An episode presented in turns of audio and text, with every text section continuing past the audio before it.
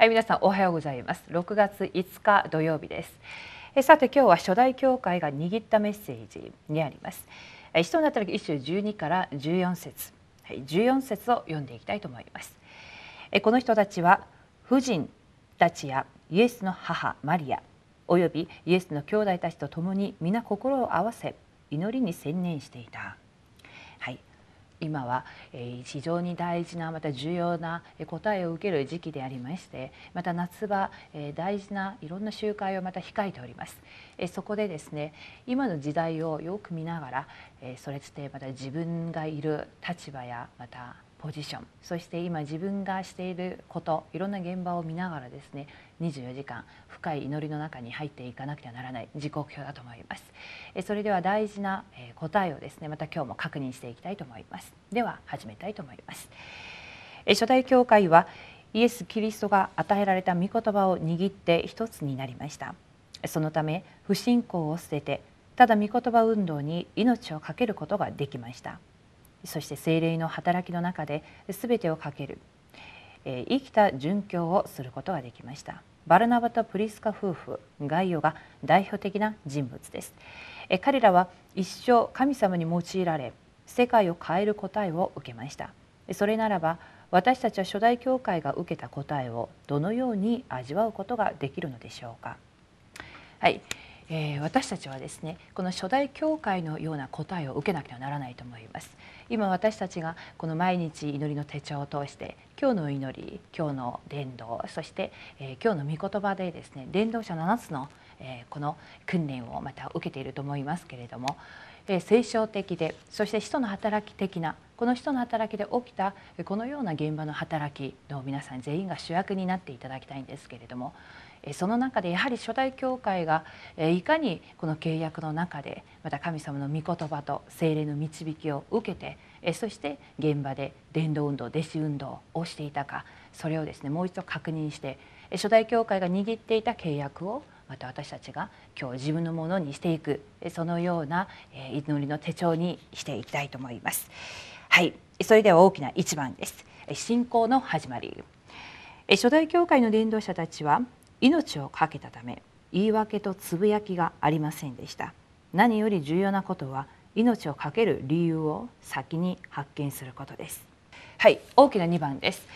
先にすること普通無駄な時間と仕事他人の話をしながら私たちの人生を浪費します。初代教会は福音の中で全てを持っていたため譲って他人を理解することができました。そして初代教会はイエス・キリストの契約の中で神様の子供のプライドを持っていつも精霊の満たしを味わいました。また主が再臨される日までこの契約を握って神様の時刻表の中で全ての現場が変わることを体験しました。これが初代教会のマルコの屋上の間の伝道運動です。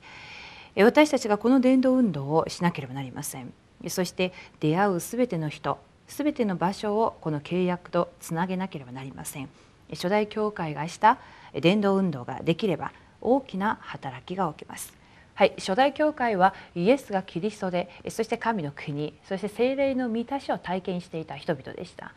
その120人の信徒がマルコの屋上の間で一人一人に五巡節の日に臨まれたその精霊の満たしによって実は使徒なった2章で5つの答え御言葉が成就されてそして伝道の門が開かれてそして多くの弟子たちが起こされて現場が変わっていくこのような答えを受けました。私たち一人一人が今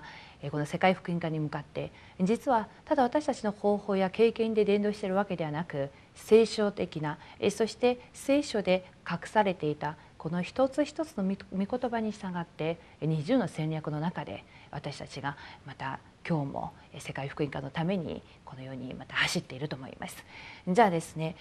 この時代に今 RUTC そして本当にレムナトのための OMC そして今住職者の時代が起こされていろんなところでたくさんの住職者が起こされています。このような時代的な流れと契約の流れ。この中で私たちの今日っていう一日を皆さん最高の日に作っていただきたいと思います。全体の流れだとか全体の大きな絵の中で皆さんがその未来を見ながら今日という一日を大事にしてそしてそのために最高の一日に今日をしていくためにやはり今日の御言葉そしてその御言葉の中で今日の祈りと今日の伝道を見つけてですね皆さんが伝道者としての本当に大事なそのような人生を今日も生きていただきたいと思います。その答え一つ一つが世界福音化に近づいていく大きな鍵になっていくと思います。ではですね今日も皆さんに初代教会のような聖書的な答えが皆さんの現場にも望まれることを切に願います。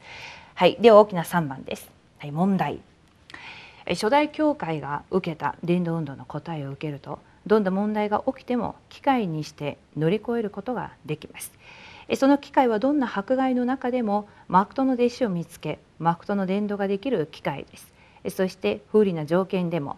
マクトの献身ができる機会です。そのため恐れる必要もなく福音の中で伝道と献身をすると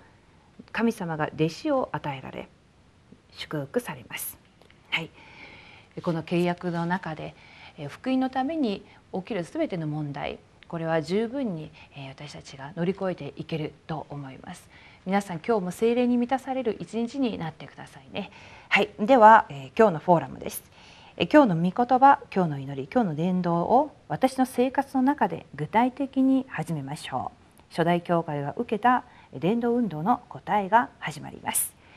さて皆さん今日の御言葉を握ってそして今日祈りの、えー、祈りを通してまた今日の祈りの手帳を終わりにしたいと思います。明日また日曜の講談で皆さん礼拝に成功してくださいね。はいそれではお祈りします。神様感謝します。今週1週間も私たちを御言葉の中で導いてくださり感謝します。時代が大きくまた変化してきました。この初代教会がイエスがキリストという契約を握ってその約束が一人一人に望まれるまで神の国が望まれるまでその約束された場所を離れずに彼らは祈りました。そして五巡節の日精霊の満たしを通して彼らは神様が一番望んでおられる世界福音化の答えを受けました。神様今日私たちがどのような問題を抱えているでしょうか。その問題の前に神の御言葉を通して神の御声を聞くことができるようにお願いします。私たちの身の回りのさまざまな問題葛藤試みなどこれらは全て福音を福音にしていくキリストをキリストにしていく大いなる神様の働き神様の答えだと思います。今日1週間を振り返って今日の祈り今日の御言葉今日の伝道を通してこれらを生活に取り入れて実践化してそして伝道者としての神様が一番望んでいる聖書的なまた使徒の働き的な伝道の答えを受けることができますように。そして私たちが弟子となり1000万の伝道弟子の一人としてこの時代を本当に豊かに福音化していくことができるように願います。1週間主が見守ってくださったことを感謝し明日の日曜の講談を本当に慕って祈りながら主イエスキリストの皆によってお祈りします。アーメン。